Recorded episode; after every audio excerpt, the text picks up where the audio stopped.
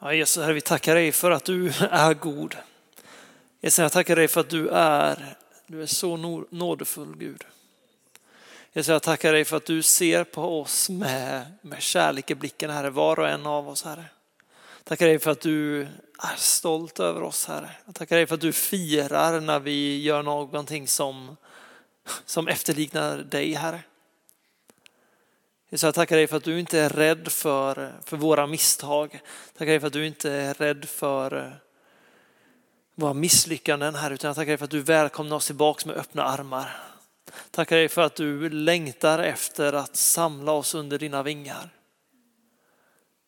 Tackar dig för att eh, din närvaro är, är den tryggaste platsen att vara på.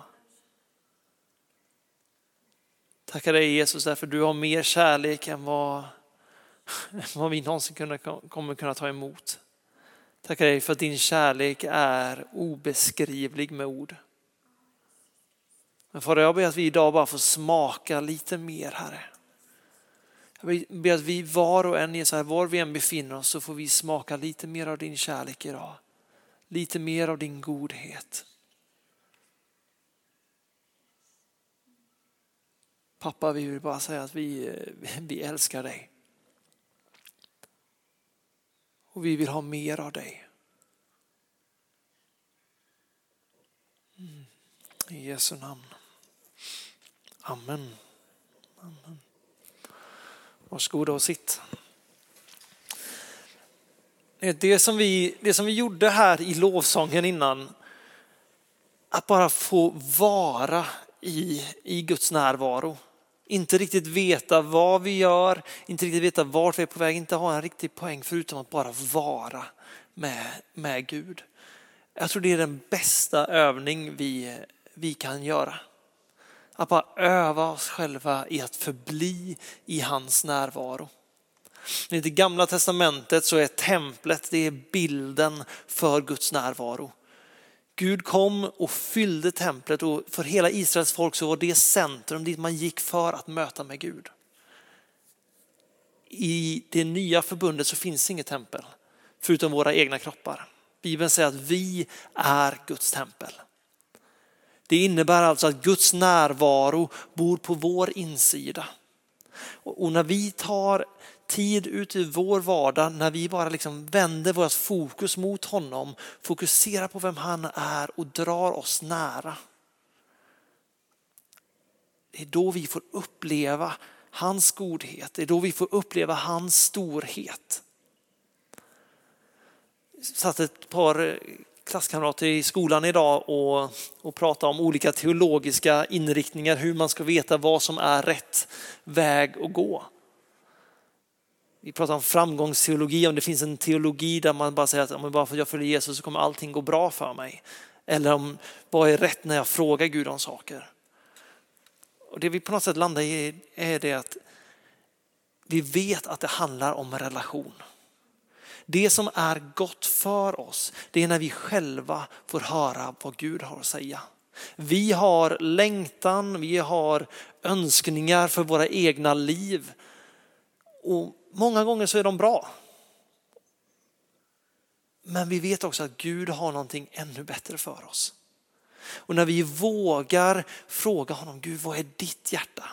Vad är din längtan för mig? Då kommer våra önskningar börja smälta samman med hans. Och hans vilja kommer kunna ske i våra liv. Och när vi läser Bibeln så vet vi att hans vilja för våra liv, det är så gott. Det är så mycket bättre än vad vi någonsin vågar drömma om. Problemet är att vi så ofta har våran agenda, vi har våran idé om vad ett toppenliv är. Vad, hur ett liv ska levas. Men när vi börjar närma oss Guds hjärta, när vi börjar spendera den här lilla extra tiden med honom och lär känna honom och vi får reda på vad hans hjärta är för oss så kommer vi få förstå att det är så mycket större än vad vi någonsin kunnat drömma om. Det är så mycket godare än vad vi någonsin kunnat drömma om. Jag blev bara påminn här precis innan jag skulle gå upp om, eh, om Petrus.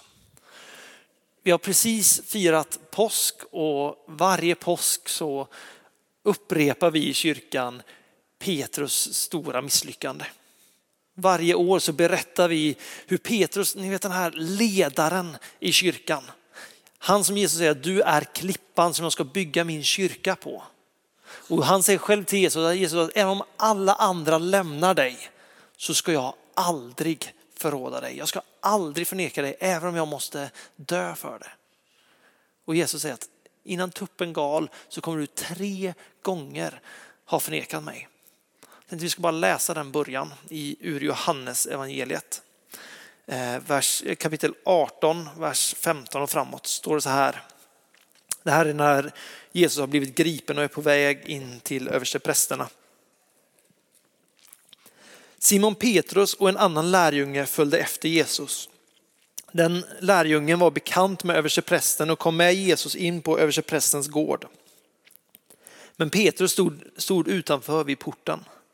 Den andra lärjungen, han som var bekant med översteprästen, gick då ut och talade med flickan som vaktade porten och förde in Petrus.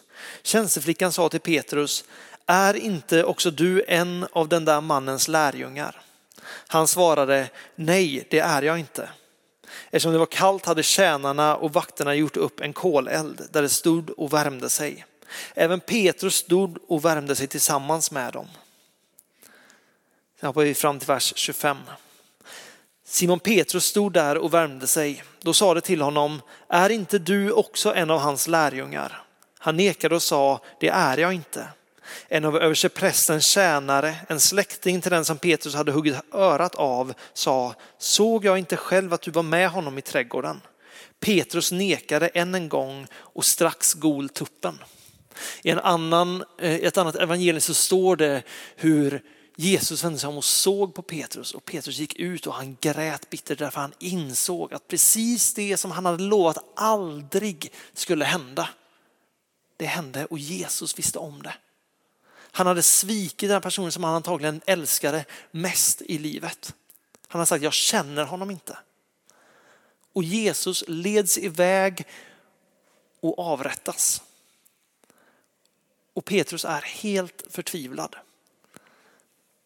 Det går till den grad att de lärjungarna de låser in sig i ett rum i Jerusalem. De gömmer sig för allmänheten.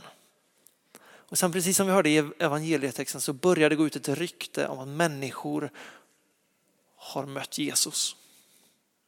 Jag tror det var Andrew som läste den i, i söndags. Eh, jag kommer inte ihåg vilket evangelie det är nu.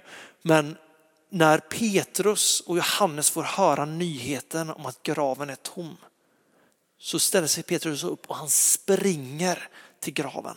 Han som antagligen är så full av sorg, så full av skam och besvikelse över vad det han har gjort. När han hör att graven är tom så springer han dit med full fart. Han vill vara först på platsen för att se om det Jesus har sagt är sant. Och strax kommer han också att få, få möta honom. Och det jag egentligen vill komma till här är i kapitel 21 finns det en rubrik som heter Jesus och Petrus. För när Jesus har umgåtts lite med lärjungarna så vänder han sig direkt till Petrus och han konfronterar den smärtan som finns inuti Petrus. Och det står så här. När de hade ätit sa Jesus till Simon Petrus, Simon Johannes son, älskar du mig mer än dessa? Han svarade, ja herre, du vet att jag har dig kär. Jesus sa till honom, för mina lamm på bete. För andra gången frågade han, Simon, Johannes son, älskar du mig?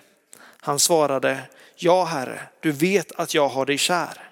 Jesus sa till honom, var en herde för mina får.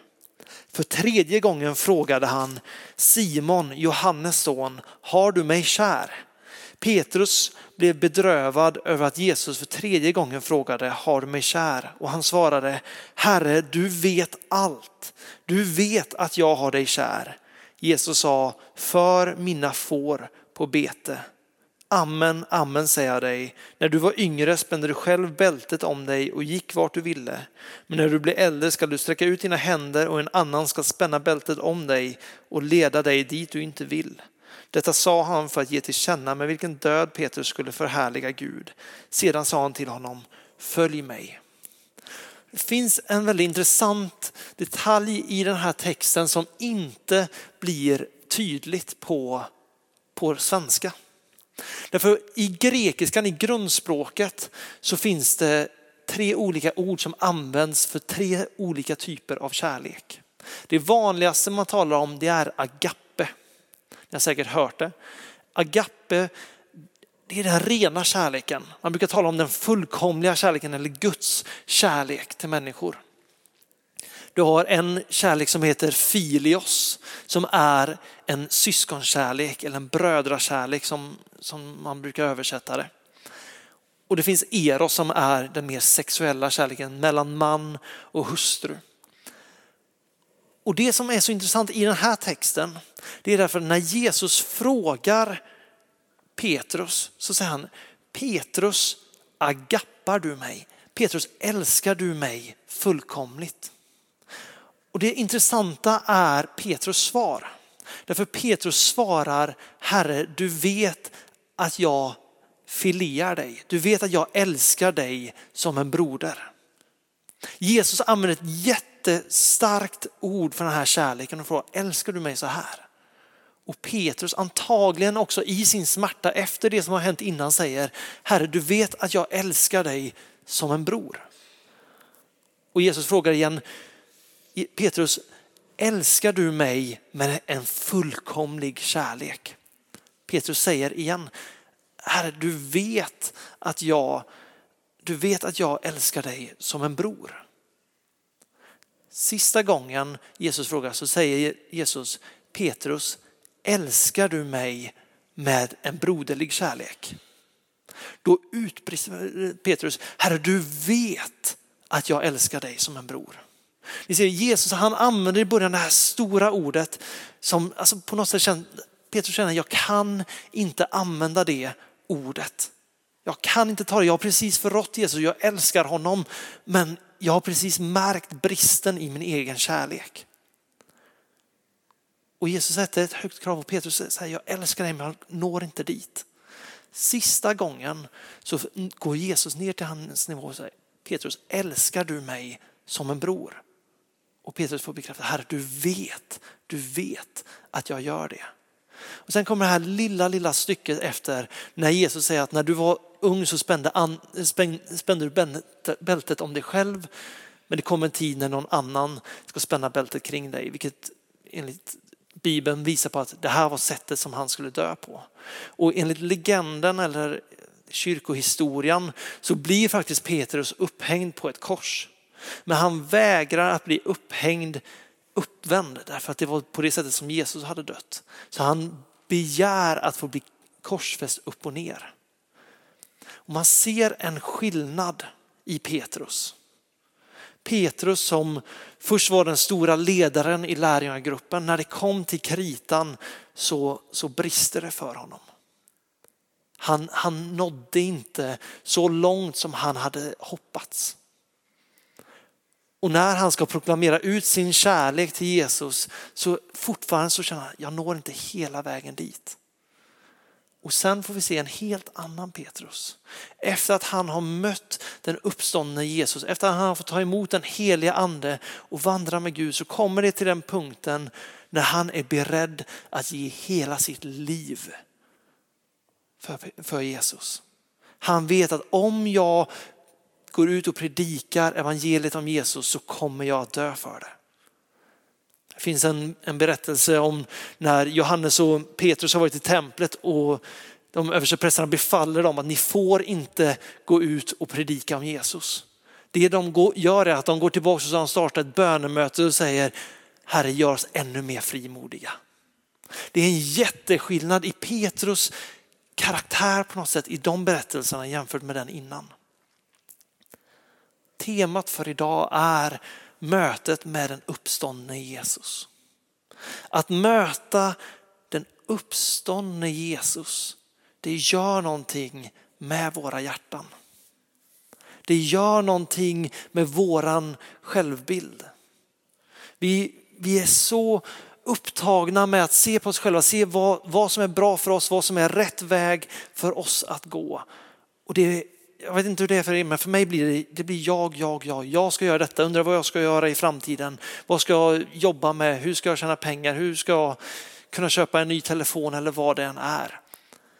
Det blir så mycket oss, men i mötet med Jesus, så de, de där delarna, de, de faller bort. Man ser det om och om igen. Kolla bara den muslimska världen idag. Hur många muslimer som helst som vittnar om att de möter Jesus i drömmar. De vaknar upp och de är beredda att vända sig från hela sin familj. All trygghet de har, de kommer bli utfrysta från familj, från samhälle, från arbetsplatser. Men efter mötet med den uppståndne Jesus så finns det ingenting annat som är värt det. Därför det gör någonting med oss när vi möter den uppståndne Jesus. Jag, jag, tror att Gud säger det till någon här inne, jag sa det förut, jag säger det igen. Jag tror det finns någon här inne som har försökt liksom måla över sina sprickor. Vi har alla skavanker, vi har alla sår, vi har alla gjort misstag. Och Det är så lätt att vi bara försöker, framförallt inför andra men också inför Gud och oss själva, att måla över det som att ingenting har hänt och säga att jag, jag har mått prima. Men när vi möter Jesus så finns det inte längre någonting som vi kan dölja eller som vi behöver dölja. Jesus säger till Petrus, eller Petrus talar ut det om Jesus. Det står så här. Herre, du vet allt. Du vet att jag har dig kär. Petrus skämdes antagligen för att han inte kunde ge samma respons till Jesus som Jesus begärde. Men han sa, Herre du vet allt, du vet att detta är vad jag har att ge. Och Jesus tog emot det med öppna handen. Han sa, för mina får på bete. Det var en, som en pastors kallelse till Petrus att du är ledare i min kyrka. Jag har förtroende för dig, jag älskar dig, jag är stolt över dig. Du når kanske inte upp till den gräns, den ribba som du själv har sagt, men du vågar vara ärlig med det du har och du kommer med det till mig. Och Gud kommer göra någonting vackert av det. Men vi vill så gärna täcka över oss. Vi vill så gärna skymma oss. Men det som vi gjorde förut i lovsången när vi bara spenderar tid med Jesus. Inte att vi sitter och bara försöker lära oss mer saker om Jesus. Inte att vi sjunger mer sånger bara för att vi tänker det gör Jesus glad. Det, det är bra att sjunga sånger till Jesus för jag tror Jesus blir glad. Men när vi vänder våra hjärtan mot honom för att möta med honom. Det kommer ge oss en insikt om vem han är som gör att vi tappar helt och hållet fokus på oss själva. Och jag, tror, jag tror det är det som på något sätt ligger på Guds hjärta när vi får se hans godhet, när vi fullt ut får förstå vem han är, hur stor han är, hur nådefull han är, hur god han är, så är inte våra misslyckanden så viktiga längre. Därför när vi förstår vad Jesus gjorde för oss på korset så förstår vi att det är täckt. Ni vet, när Jesus dog för våra synder men han uppstod för vår rättfärdighets skull för att vi skulle kunna gå frimodigt in för tronen för att möta pappa Gud. Det var därför Jesus kom, för att han skulle upprätta den relationen. Vi har nu alltså full frihet att gå in för tronen precis så som vi är. Jesus sa inte snygga upp er och sen kom. Utan han sa jag har redan dött för er. Nu kom. Eh, det står i, det står i uppenbarelseboken om, om, en, om en skara som trodde på Jesus, att de har blivit tvättade rena. De hade en vit klädnad, rentvättade av Jesu blod. Det finns alltså ingenting som vi kan göra eller lägga till för att Jesus skulle se på oss med bättre ögon. Utan det är när vi möter Jesus som den han är, vi förstår hans godhet som vi släpper fokus på oss själva och tar emot allt det han har för oss. Och då kan vi gå fullständigt fria inför nådens tron därför vi är tvättade i Lammets blod. Men det börjar med att vi vänder våra hjärtan mot Jesus. Jesus, jag vill möta med dig. Jag vill inte bara höra om dig, jag vill inte bara sjunga till dig, utan jag vill möta med dig. För nu, det är en verklig Jesus som lever idag. Jesus uppstod från de döda. Han lever idag och det innebär att vi var och en kan möta med honom, lära känna honom, höra vad han vill tala in i just ditt liv. Inte bara om dina problem, inte bara om dina tackböner, utan han vill komma och tala med dig. Han vill berätta för dig vad som ligger på hans hjärta. Jag ska se om jag får ihop den här formuleringen rätt nu, för jag hörde ett så bra citat en gång och jag kommer inte exakt ihåg hur det lyder, men kontentan av det är i alla fall att ju mindre vi säger i en bön, desto längre kommer våra böner att bli. När vi lär oss att börja lyssna istället för att prata så kommer vi börja uppskatta bön på ett helt nytt sätt. Därför vi kommer börja märka att Jesus talar tillbaks. Och när Jesus talar så de orden, det finns ingenting som står i jämförelse med det. Jag vet inte hur det är med er, men jag har väldigt lätt att bara börja babbla. Jag babblar ut om mina problem och jag babblar ut om mina vänners problem eller vad jag önskar eller vad jag drömmer om eller vad jag vill att Gud ska göra i mig. Jag glömmer att bara stanna och säga Jesus, vad vill du säga till mig? Därför det är orden ifrån Gud som kommer förändra oss på djupet. Det är mötet med Jesus som förändrar oss på djupet. Därför han lever idag. Han längtar efter en relation med oss idag.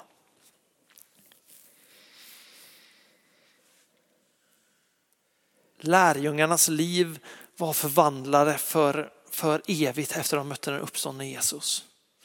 De kom in med förväntningar på hur det skulle vara att följa honom. Jag hade en hel predikan där jag skulle gå igenom massa i gamla testamentet om vad, om vad det fanns för förväntningar på Messias. Hur man trodde att han skulle komma och han skulle upprätta ett politiskt rike, han skulle bli en nya kung David, han skulle bli den stora regenten som gjorde Israel stort igen. Och de förväntade sig antagligen att det skulle ske ända fram tills det att de såg Jesus dö på korset. Och hela deras världsbild faller sönder.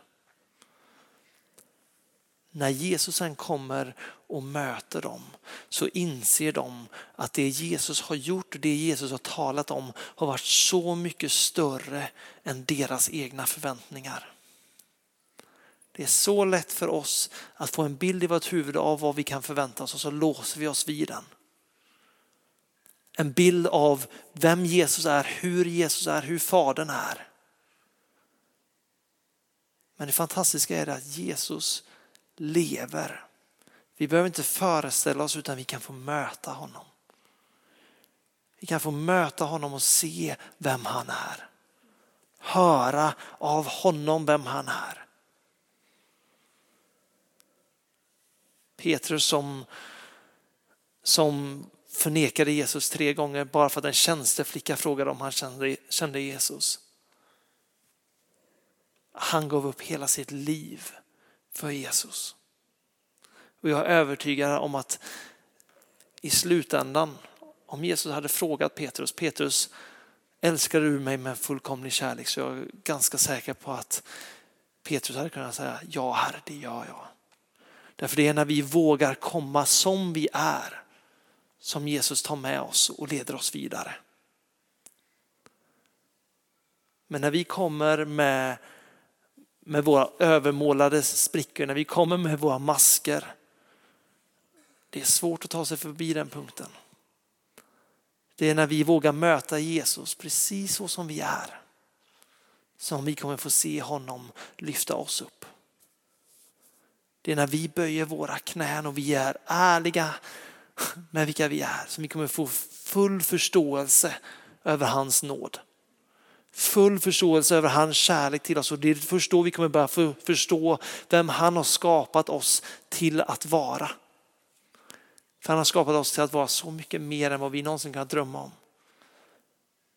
Men inte att vi ska prestera fram det, inte att vi ska leva ett liv i så stark lydnad så vi inte kan göra någonting utan han längtar efter att vi ska få möta honom. Så att när vi ser in i spegeln så får vi se Jesus titta tillbaks. Det är hans längtan för oss. Ett liv tillsammans med honom. Sista ordet Jesus säger i, i Matteus evangeliet är att jag kommer aldrig lämna er. Jag är med er in till tidens slut. Gud själv kommer nära oss när vi låter honom komma nära oss. Jag tror vi ska göra så innan vi går in i, innan vi går in i nattvarden. För nattvarden är en sån konkret plats där vi får möta med Gud. Precis som vi gjorde i lovsången innan, vi ska bara ta en liten stund och bara vara vi och Gud. Bjuda in Jesus. Jag läste ut ordet förut att när vi dricker av hans vatten så kommer en källa till liv på vår insida som aldrig sinar.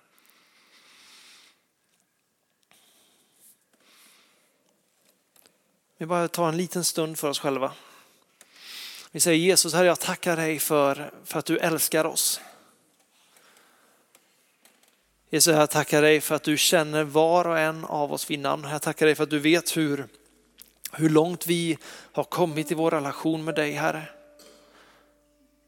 Tackar dig för att du vet vad vi har haft för, för tisdag, Herre. Du vet vad som har hänt i våra familjer, du vet vad som har hänt på jobbet med våra vänner, när vi har varit själva, Herre. Jesus, jag tackar dig för att du inte längtar efter någonting annat än att komma nära oss.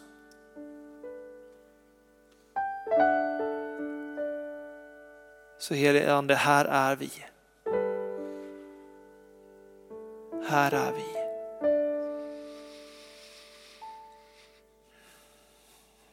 Kom och möt oss Herre.